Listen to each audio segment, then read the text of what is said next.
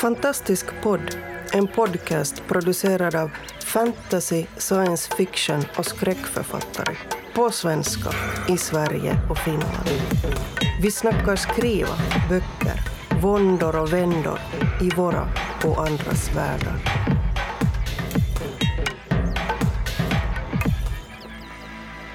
Välkomna till Fantastisk podd live på Finkon. Vi spelar in ett avsnitt av podden här framför en levande publik. Eller är Och hela Grupp Finland är på plats. Vårt tema idag är kärlek i skrift och litteratur. Vi kommer som vanligt att tolka vårt tema mycket brett. Vi börjar med en runda då vi presenterar oss själva. Längst bort har vi Han är Mikaela Taivassalo. Hejsan. Jenny Wik. Och Mia Frank. och jag heter Maria Turchanino. Och jag tänkte börja med att slänga ut en lätt och eh, mycket, mycket lätt besvarad fråga av mina med, panelister, medpoddare. Vilken är er favoritskildring av kärlek i litteraturen? Herregud, alltså här är nu Mikaela som svarar. Jag googlar, jag tänkte man kan ju googla svaren. Men jag hittar, hittar inte mitt svar på Google. Det första jag tänker på är äh, mina egna äh, skildringar, men det tänkte jag alltså, dit kan man inte gå. Det andra jag tänkte på var äh, faktiskt Sappho, som jag tycker att, äh, att är kanske just det. Men nu äh, citerar jag lite Sappho då här. Alltså en, rätt, även de gamla grekerna äh, börjar vi direkt med här. Äh, Ser jag blott dig skymta förbi mig flyktigt, stockar sig rösten, tungans makt är bruten och under huden lökar elden genast i fina flammor. Ögats blick blir skymd och det susar plötsligt för mina öron. Svetten rinner ned och en ristning griper all min arma kropp. Jag blir mer färglös, blek än ängens strå och det tycks mig som om vore döden mig nära. Det var en fin skildring. Och sen kan ju ingen ge något annat svar efter det där. Ja, jag, jag, ja, den här frågan, jag har nu så här i panik tänkt här i fem minuter på vad jag ska svara. Och det enda som väller fram är en sån här fas som jag hade för några år sedan när jag läste jättemycket romance och alla de här liksom, ansiktena och paren bara så här attackerar mig. Jag kommer inte ihåg någon specifik av dem för att det är väl kanske lite den här genrens poäng att det, det är liksom alltid samma mönster som upprepas enligt samma, samma på något vis, eh, ja, men man liksom vet att det ska sluta med att de får varandra på något sätt. Men då, då kan det ja. inte vara en favoritskildring Nej, om det är sådär liksom men det är just så här, men då tänker jag, okej, kanske den där favoriten är på något vis, sen, för att jag inser att jag skriver också ganska mycket själv om, om liksom kärlek som en sån drivkraft, så att på något vis så söker man hela tiden liksom den här favoritromantiska kärleksberättelsen eller kärlekshistorien, men att jag har kanske inte kommit fram till det, men att just jag tänkte också här så att jag kommer inte ihåg hur jag Alltså work in progress. Ja, work in progress. Ja, I'm looking for it. ja. Mia. Eh, ja, jag funderar också så här, alltså egentligen tror jag inte att jag har någon eh, specifik kärleksskildring som jag skulle vilja lyfta upp, men när nu Mikaela gick på Sappho så tänkte jag på Medea, vilket jag tycker är en, en rätt skön skildring eh, av, av den där eh, lite mörkare eh, sorts kärlek. Eh, där hon då eh, i kärlekens namn avlivar också sina barn. Eh, så, så att Medea, Okej, mysigt. Um, och jag ställde den här frågan till er för fem minuter sedan och sen kom jag på att jag inte själv tänkt ut något svar. Um, ehm, men, och det känns jättehemskt att svara det här som jag vill svara efter nu två sådana här klassiska exempel. Men, men mm, jag vill ändå säga att min favoritskildring, äh, eller den ska vi säga som präglar mig för att jag läste den när jag var ung, är absolut Ann, Anne och Gilbert. Eh, och framförallt som en motvikt faktiskt, jag tänker ändå lyfta fram den som, ett, som någonting bra därför att eh, jag talar som Anne och Grönko. Eh, och i dagens ungdomsböcker framförallt så finns det en tendens att eh, att, en man, att, att det liksom ingår i kärlekshistorien att, att eh, hon är ointresserad av den manliga protagonisten, av, av han som är det tilltänkta kärleksobjektet, och han tar inte nej som ett svar. Och det är då jätteromantiskt. Att han inte ger upp och han, han liksom insisterar hela tiden på att tromma sig i fejset på henne. um, och, det där, och då tycker jag det är mycket vilsamt och skönt att få läsa om Gilbert som faktiskt bara väntade snällt när Anne sa nej. Mm. Och bara tålmodigt höll sig i hennes närhet men utan att hela tiden liksom försöka på nytt och på nytt. Mm, och mitt val började jag tänka på Sappho, det speglar ju alla mina intressen. Så där, döden och kärleken är så ständigt närvarande där och man blir blek och, och tappar andan. Och sexualiteten framför allt, alltså det är ju äh, oerhört erotisk bild, kanske en av de bästa erotiska äh, lyriken som finns överhuvudtaget, tycker jag fortfarande att, att, att Sappho är efter många hundra år, hundratals. Men, men, jag är lite fascinerad över att du alltså googlar fram då och din egen syn på det hela och så blir det Sappho som svar. Ja, var det det som Google knows.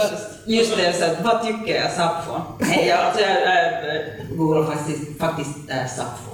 Ah, okay. Sappho-fragment för att jag visste att det fanns där. Men berättelsen är mycket bättre än så. Men, men är kärlek, du, du nämnde Mikaela Nylén att, att, att kärlek och död är, är viktigt för dig eh, i det du skriver. Är, är alltså kärlek ett viktigt tema i era texter? Om jag nu slänger det först till dig så får du utveckla. Ja, alltså jag tänkte, tänkte att, göra, vi gör det här kort, bestämde vi med Mia. Bestäm, bestämmer att vi säger som det är, att, att ja, det är det enda jag skriver om är liksom de små ämnena kärleken och döden. Tack ska ni ha, hej då! sen, sen går vi. Får resonera in på det. Kärleken och döden, absolut. Alltså, ja, ja, för mig är nog äh, kärlek och äh, begär äh, det, det som jag skriver om egentligen. Jag tror att, jag, tror att alla alla mina böcker handlar, handlar om, om just det och ofta också om just slut uh, på olika sätt. Döden är ju det definitiva slutet. Uh, och, och sen, sen ser jag också på, på skrivande som på något sätt en begärsprocess. Uh, det är någonting, någonting erotiskt i själva, själva skrivandet. man, man vill någonting, man vill någonting, man har ett begär. Man, man, äh, man vill vidare och det tar en till ställen som man inte, som man inte vet. Äh, man vet inte var man hamnar, men det, det är absolut ett begär att skriva för mig högst erotiskt. Ja, jag, har, jag har nog samma också, att det är så här lustgrepp, man säga. Ja. Att man, man har lust att liksom undersöka någonting eller, eller, eller gå in i någon sån här känsla eller någon, ja, som också inte har alltid bara med skrivande för mig att göra utan att jag liksom får, man får sån här, sån här liksom en ingivelse att söka reda på någonting och sen liksom grotta ner sig i det. men man kan ju göra det på olika sätt förstås. Men att, att det här, för när jag skriver så är det också alltid helt så här, så här lustbetonat på något sätt. Det är, det är inte någon sån här att skriva sig ur någon ångest eller liksom att på något vis fly undan någonting utan det är liksom att söka sig in i någonting åtminstone. Och, och också nog det här med kärlek och relationer egentligen, det som på något vis är det som eh, jag är mest intresserade av. Det måste inte alltid vara så här romantiska relationer utan det kan också vara liksom vänskap mellan flera, eller två eller flera olika så här karaktärer, figurer. Så det, det, och det måste inte alltid finnas eh, sexualitet eller erotik med, men att på något vis, på något vis, så, på något vis så, så, kan, så kan jag, tycker jag att man kan hitta det också i så mycket annat än bara liksom det här kroppsliga uttrycket. Kan man? Ja. Eh, ja, jag kände så här när du sa Maria att vi skulle börja tala om, om kärlek så kände jag ett enormt motstånd övervägde att inte komma med alls. Eftersom det jag nu helst skriver om när det gäller kärlek så är någon slags kärleksmotstånd. Uh, antikärlek, det vill säga definitivt inte så att, och därför väljer jag säkert också Medea som, som figur för det hela.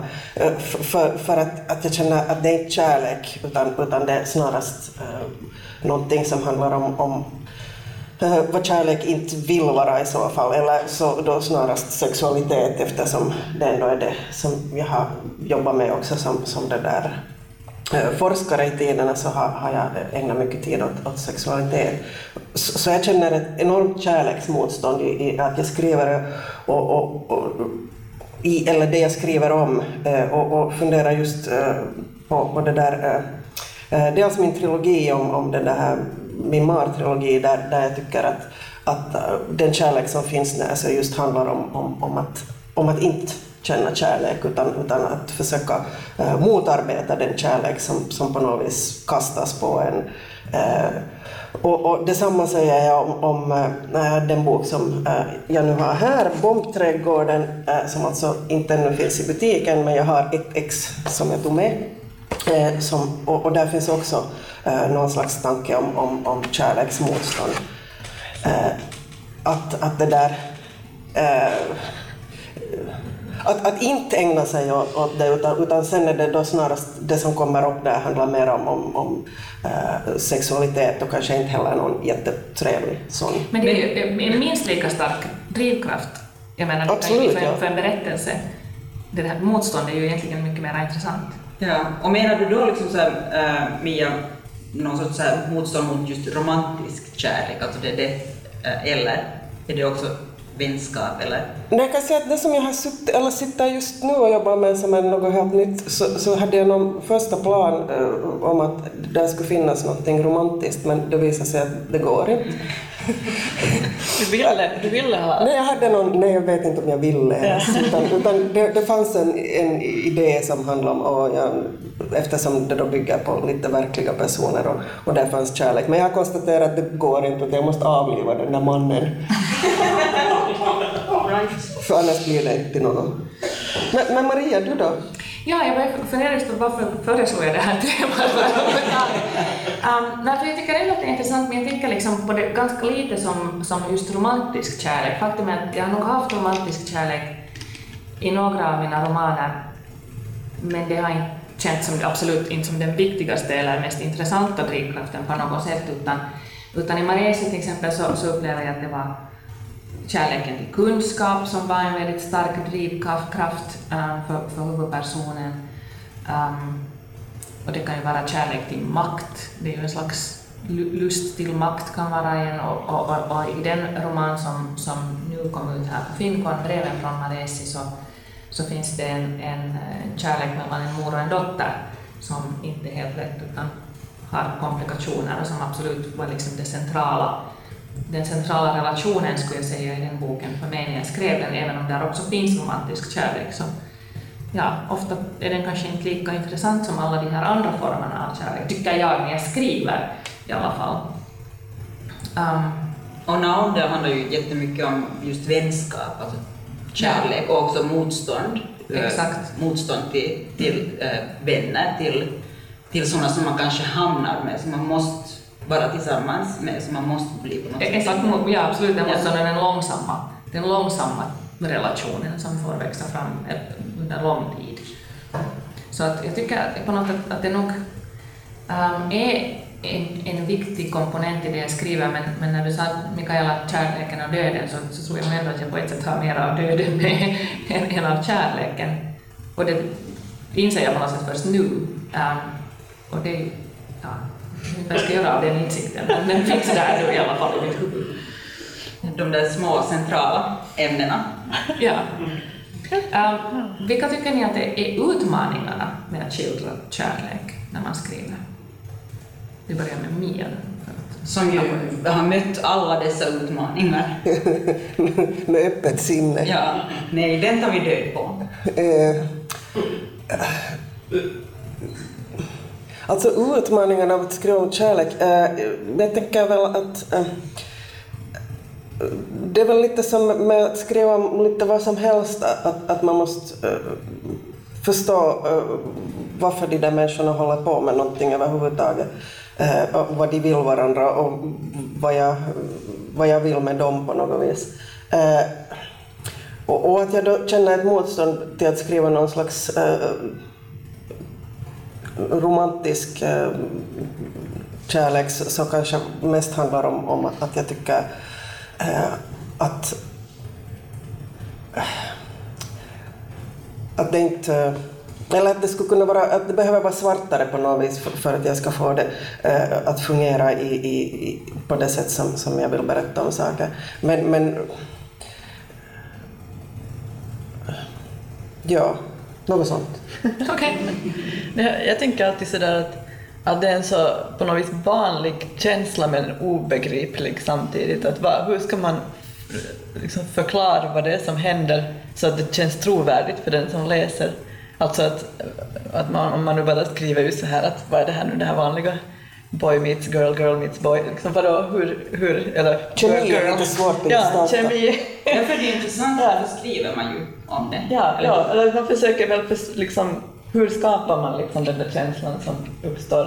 För att den finns ju mellan människor i verkligheten så att, så att det är ju en, och det är ju en jättekraftig liksom, motivation, alltså säkert en av de kraftigaste liksom, motivationerna som människor har i sina liv. Så hur kan det vara, vara- ja, att hitta liksom den där rätta tonen i texten sen som, som förmedlar liksom den här känslan, eh, det är väl kanske den Ja, mest jag håller, jag håller med faktiskt till 100 procent. Och, det där, och, och just den romantiska kärleken. Jag menar, till exempel just om jag nu, eftersom det är den roman som jag har tydligast i, i huvudet, så i breven från Maresi så finns det då, ja, det finns många olika relationer och många sorts kärlek, men, men, men det kanske centrala är då den här mor och dotter och, och sen den romantiska kärleken. Och, och jag upplevde inte till exempel att den här mor och dotter-biten var svår att skriva ut, ut alltså den kan hade, kanske hade andra svårigheter men inte just så att säga kärleksbiten, inte den, den här kärleken mellan dem.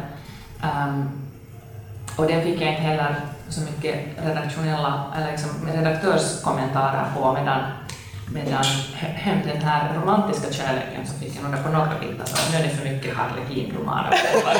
jag dör! Och det var sant när jag läste igenom det, men jag tänkte, herregud, vem har skrivit det här dravlet?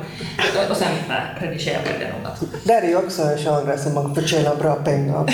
Ja, och som inte är så lätt som man ibland vill inbilla sig att den är. Så jag menar, men Jenny, det var det jag menade, att den liksom, det, det är inte lätt. Romantisk kärlek är, tycker jag, eh, mycket svår. Och jag vet inte varför är det just så. Varför, varför är just den svår? Jag vet inte, som du sa, kanske för att den är... Kanske det är för att det är så vanligt. Eller det blir sådär så trivialt. banalt, ja. ja. banalt, precis. För, att jag, ja, för just nu så håller jag nämligen på och skriver, eh, jag håller på att liksom, vad heter det, adapt, adapt anpassa ett, eh, liksom en, en berättelse ur en kortfilm till det här interaktivt spelformat. Och det är ganska mycket, och det baserar sig helt på dialog allting. Och det, där ska finnas då liksom lite så här romantiska eh, inslag. Eller ja, det, det får finnas med men det är inte som är huvudpoängen i den där storyn men, men, men det får finnas, eh, det ska finnas så här äventyr och romantisk spänning och sånt här. Och då har jag tänkt jättemycket just på att hur, hur man i de här korta fraserna får fram får fram känsla mellan människor och, och det är ganska roligt, det är egentligen ganska roligt att skriva det för att jag får ju sitta där med en massa människor i mitt huvud och tänka så här, hur, hur ska de chatta med varandra liksom? det, är ganska, det är på ett sätt, på ett sätt funkar, det, på ett sätt funkar den här liksom dialog och chattformen rätt, eh, rätt bra för att få fram det här för att det är åtminstone någonting som är också ganska bekant från ens eget liv hur man, hur man liksom kommunicerar med text nu för tiden ganska mycket med andra människor. Så att där, där är det liksom, eh, formen hjälper kanske lite till där. Men att det är ju sen en helt annan sak om man, om man skriver då i romanform och, och liksom linjärt, att nu är, det, nu är det ju en sån här, ja, en annan sorts format. Ja. Ja, jag försöker tänka på hur jag ska svara på den här frågan utan att låta för kaxig. Men det går inte. Men, men det, det går inte. Det är ju, eh, eller för, för mig, eh, för mig är det totalt oproblematiskt att skriva. Men jag vet inte om jag skriver om romantisk kärlek. Alltså jag tror inte... Eh, jag, jag förstod inte själv att jag egentligen skriver lika mycket om äh, ensamhet som om begär innan jag fick det förklarat för mig av en, äh, en litteraturprofessor som då hade läst och tolkat hela, hela mitt författarskap. Och det är alltså sant, alltså. jag insåg att det är alldeles sant, jag skriver om ensamhet äh, och begär. Och det finns ju liksom en stor tragik och en stor konflikt där, däremellan. Men det är, liksom, det är kanske mitt intresse, Och sen tycker jag om att skriva just eh, fysiskt och, och, och liksom utgående från hur saker känns. Så när jag tänker på vad det svåraste har varit så var det kanske i min eh, senaste roman, om man inte räknar med min grafiska eh, roman som roman, Skandorama, som kom ut senast, men eh, den innan, In Transit. Så, så där var ett av mina projekt att jag skulle skriva alltså om det rena begäret.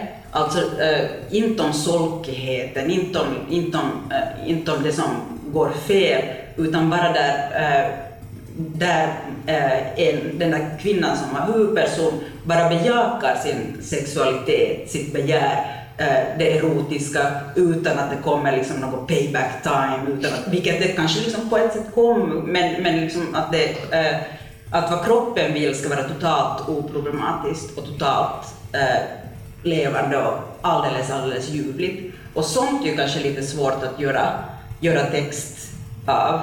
Eh, men det var också jätte, jätteroligt. Det var en eh, njutningsfull eh, ett njutningsfullt skrivande, men visst fick man liksom ta bort för att det kan lätt bli för mycket om eh, allt det som bara är bra blir ganska snabbt litterärt men, ointressant. Men skulle du kunna skriva då om, om, om den rena romantiska kärleken och lämna bort begäret, tror du? Alltså jag tror inte att jag kan skriva om äh, den rena romantiska, jag, jag, jag, tror inte att jag kan, jag har funderat men, på det. Men vad är den rena romantiska? Jag menar, ja, men det finns människor som är ja. sexuella till exempel. Jag, jag, jag, tror att det är totalt omöjligt, det har jag funderat på också. Jag, jag tror inte att jag skulle kunna skriva utan att, att på något sätt skriva någon, någon form av begär. Och, äh, och jag tror att det är också svårt för mig att skriva romantisk kärlek utan att det finns just liksom eh, någon, någon sorts, som, som Sappho till exempel, att det finns just den där röda tråden av längtan, men samtidigt också dödens eh, vita skugga som står och andas på dig. Det är just liksom den där stora tragiken finns alltid där. För när du närmar dig en människa,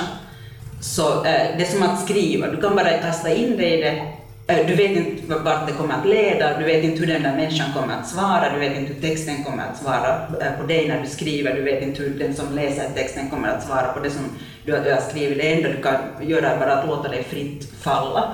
Och det är på något sätt eh, samtidigt ljuvligt och totalt skrämmande, att det finns de här båda sakerna. Så, så den där ambivalensen kan jag inte heller Eh, tror jag. Det här är nu bara liksom mina analyser av mig själv här när jag sitter framför en publik, så eh, vad vet jag det, eh, om, om det ens är sant.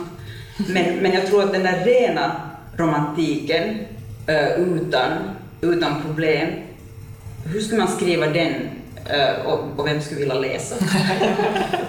Ja, vad är det egentligen liksom? För nu blev jag ju jätteförvirrad. Vad är det? Att vad är romantisk ja. kärlek jag har inget svar, jag bara, jag bara frågar.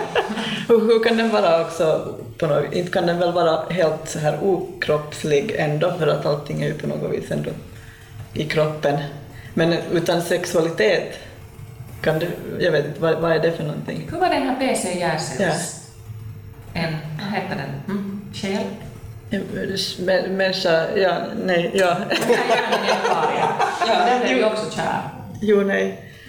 Uh, och den hade ingen kropp. Var det den här Men den hade en hjärnan? längtan ändå. Ja, var det den här hjärnan alltså? Ja. ja, ja, jag har läst den boken, ja. Vänta så nu.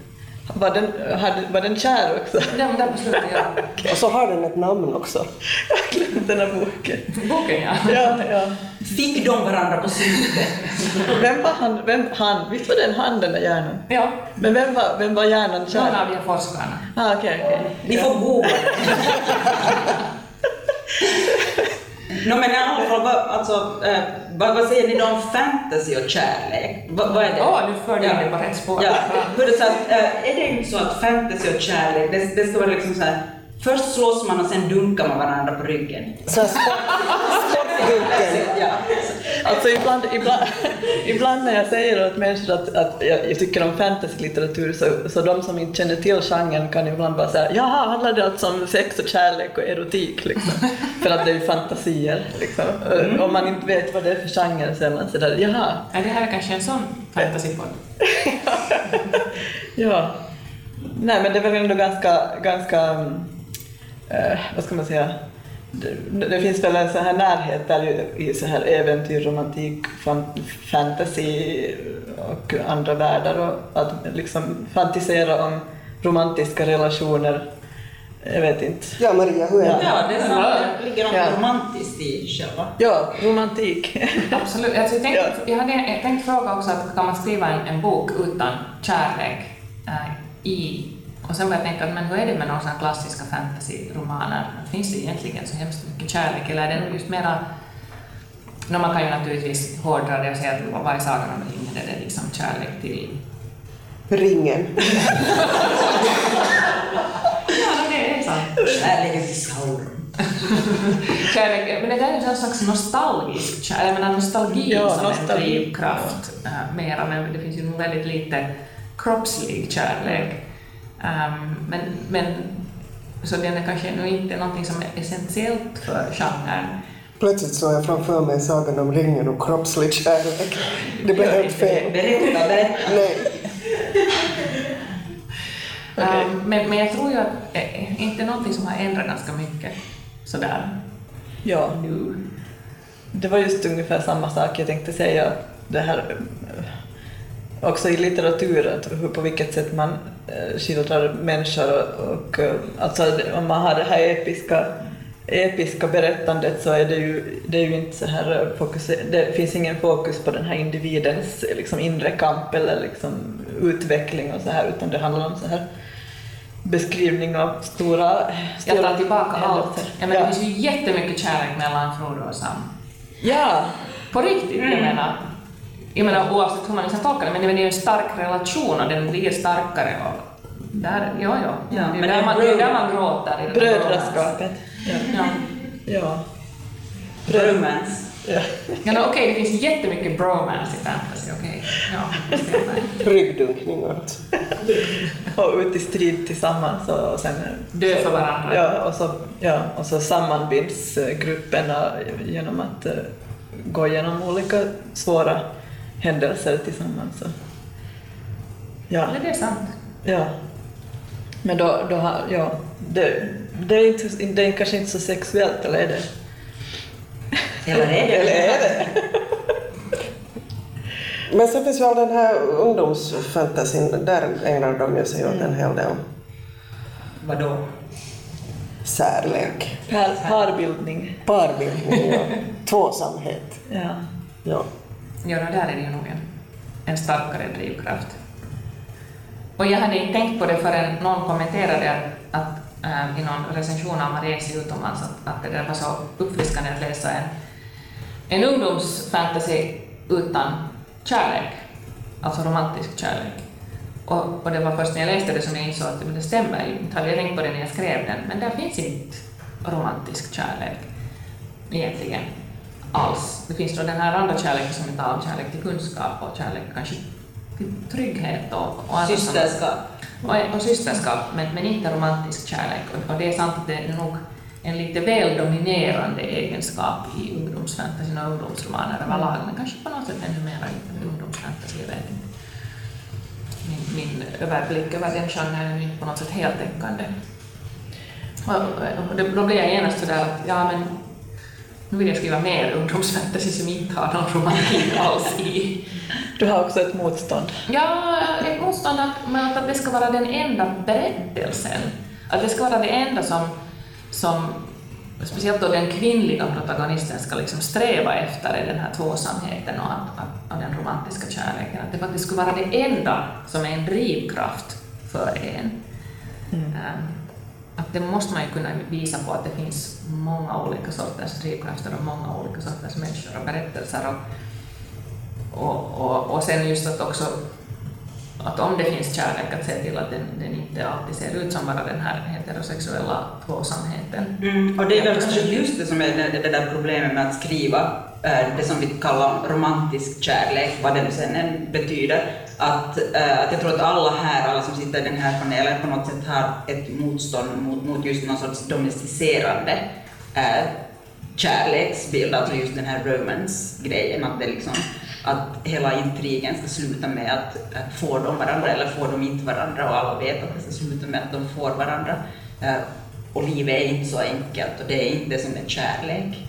Och det är kanske liksom, ja, inte det man vill skriva heller, utan just om det där eh, som vi kall, kallar kärlek som på något sätt är fantastik i sig själv, som är magi på hög nivå, just eh, eh, som, som du sa Jenny också här tidigare, att, att vad är det, eh, hur funkar det, hur känns det? Uh, inte, ja, inte vill vi ju skriva hur det funkar för att då blir det så, eh, Så funkar och- kärlek. och, och, och förfarande, men just, just att, att liksom skriva det där magis, magiska eh, istället för att, att skriva liksom, uh, intrig, kärlek. Det, det är kanske det intressanta. Intrigkärleken är kanske, rätt ointressant och på något sätt ett, ett lite antifeministiskt projekt kan man känna. Man vill lite undvika det. Sen tycker jag ju att just i fantastik så finns det ju förstås då igen den här möjligheten då att röra ihop saker lite och använda de här eh, fantasins fantasyn eller fantastikens olika möjligheter att eh, bredda eller förstöra eller, eller, eller ja, göra någonting annat med parbildningsprocesser. Det vill säga att man kan ha sådär människa som blir människa, robot, eh, liksom, monst- monstermänniska. Ja. monstermänniska. Ja, eller jag menar Left Hand of Darkness, man Ja. kan göra jättemycket med, med, med det tema som man inte riktigt kan göra om man skriver sån här vanlig, ro- Ja. vanliga romaner. Ja, kö, liksom, ja, spela med det här med, med kön, Ja. eller spela. Eller människa överhuvudtaget, Ja. spela med Ja, det också. människa, Det vill säga vrida om kärleken också genom figurerna som man har, eh, som man använder sig av. Eh, Men så tänker jag nog också vidare att, att det där, eh, skitsamma vad, vad det där romantiska är och, och, och mer sådär att, att kärlek faktiskt kan vara väldigt många olika saker. Jag, satt, ja, men när jag tittar på den här, eh, min nya bok då, så, så, så funderar jag på att där finns Eh, Där finns kärlek till en eh, kusin som hon betraktar som sin kusinbror och till och med kallar antingen kusinbror eller brorkusin. Det vill säga, eh, och, och den kärleken så finns, men den är kanske inte helt... eh, Det är inte på något vis den rena alls. Så mycket avslöjar jag mig inte mer. Ja. Och nu kommer jag också på det där att, att det är ju en, en sån här, ett förhållande som vi inte nu har nämnt här är ju det här mellan människa och djur, alltså att man har en, en djurkompanjon på något vis som, som är det här väldigt nära, alltså nu vill jag inte börja gå in på sexualitet här. Visst vill du Mikaelas ögonbryn bara for upp i hårfästet. Men jag, men jag tänker nu, nu, nu det här bekänna igen? Ja, nej men jag tycker att det är ganska vanligt i, i det här eh, fantasy för yngre eller ungdomsfantasy också att man har till exempel en trogen hund eller en häst En eller drake. en drake. Ja, ja, ja. En, en Mm. Daemon. ja precis. Att egentligen nu när, nu när du ställde den här frågan där i början att vad är ens favoritkärleksskildring så, så, började- så kom jag ju att tänka på den här jättelånga bokserien av Robin Hobb där han, han är väldigt god vän med sin hund där i början. Den här Fitz, jag vet inte om ni har läst den. Men att det tyckte jag var liksom jätteberörande hur han, hur han växte upp med sin hund som barn och det var liksom hans trygghet och så här. Det, var- det var liksom ett bra kärleksförhållande. Ja. Varför får dina ögonbryn så upp då, Mikaela? Nej, men jag, jag, jag, jag tänkte just att, att det skulle komma någonting om begär också. Det, kom det ju inte. Men det kom det ju inte fram. Ja. Nej, men jag, jag, tänkte ändå på, på, på det som du sa Jenny, att, att, som inte Mikaela höll med oss om, att, att det är svårt att skriva romantisk kärlek eftersom jag också upplever att, att, att, att det är säkert en av orsakerna till att jag skriver mer om döden än om kärleken, är att, att, att jag tycker det är lättare att skriva om ska vi säga, mörka känslor överlag. Eh, det är lättare på något sätt att fläska på där och man får vara lite mer dramatisk och, och det är liksom åtminstone för mig, jag ska inte säga man sådär, men, men, men för mig så, så är det lättare att inte bli banal och lättare att inte bli falla in i någon trope eh, om, om jag skriver om det som är liksom mörkt och vrångt än det om jag skriver om det som är ljust överlag alltså. Men sen sa jag ju också, jag tog tillbaka det där med romantisk kärlek, att det handlar ju inte om romantisk kärlek egentligen, det jag skriver, utan att det alltid finns det där bråddjupet Mm. där, och att det är det som är det. Men är det, så- tycker ni det är svårare med, med, med, med ljuset än mörkret? Att skriva, alltså skrivtekniskt nästan ska vi säga. Alltså jag tänker mig väl lite det att... eh, jag har någon läst, och det här var nu i manusform, någon som försökte skildra någonting väldigt uh, mysigt och trevligt och romantiskt och lyckligt och sådär. Och det var ganska tråkigt. Eh, att, att om inte finns någon slags klangbotten i det hela så, så blir det ointressant.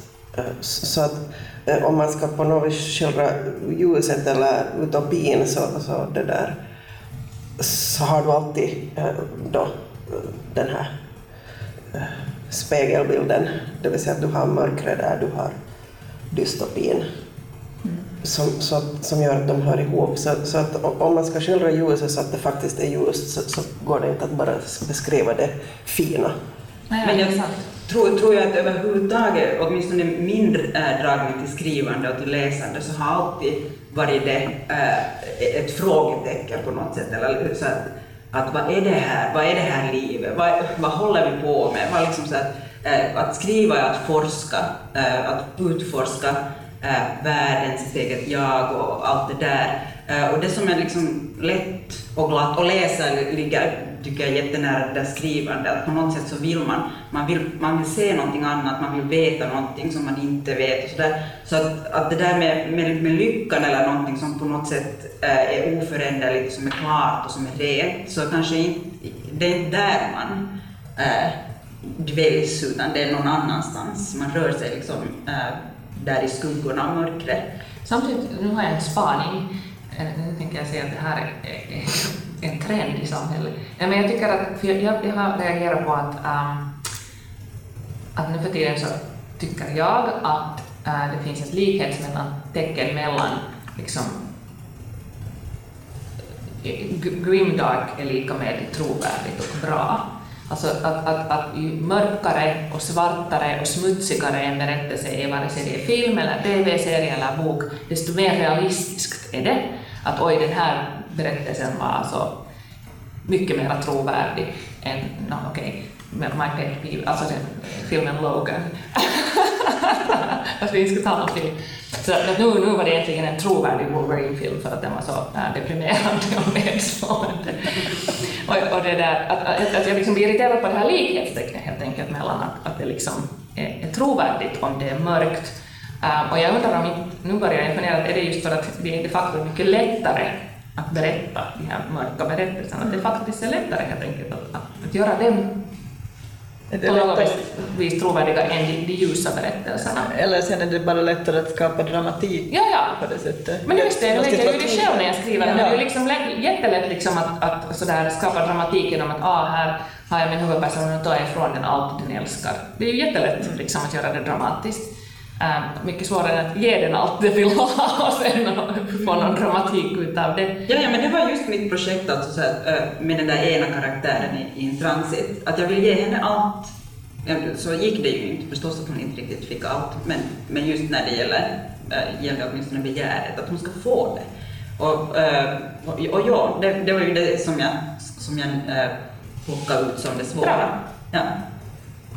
Så det, det är kanske svårare att skriva utan att, att det känns på något sätt som det skulle stagneras, som man skulle upprepa saker, som att det inte finns någonting mer att utforska i det. Och sen lite när man har gett allt så, så, så det där åt den där ena personen, så det där för att det ska gå vidare så måste man antingen hitta på mera som inkluderas i allt eller, eller så måste man då plötsligt rycka ifrån hen allting.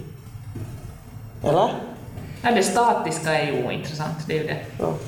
Också kanske någon som man bara har tagit allting från och lämnat där, så det är ju också ointressant Ja, sist. Jag menar, ja. det, det är ju det, när man, man skapar en berättelse, att det måste ju faktiskt ske en förändring för att det ska hända något intressant. Vår podd är inte i allmänhet så här lång, så jag tror vi ska börja äh, avrunda, men om det är så att någon har några frågor gällande särlek eller någonting annat, Vi har svaren. Mm, vi har svarat på allt. Alltså det kan vara personliga frågor, man kan få relationsråd här. Men det måste okej, gälla Annika. Det måste gälla fantastik. Personliga fantastikråd. Just det. Om det finns någon levande i publiken som...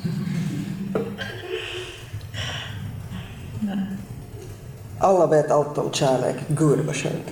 Jättebra. Bra. Nu får ni berätta har, oss vi några frågor. Får man gå ut och älska? Nej men i så fall så avrundar vi det här avsnittet av Fantastisk podd från Fingon 2018. Tack.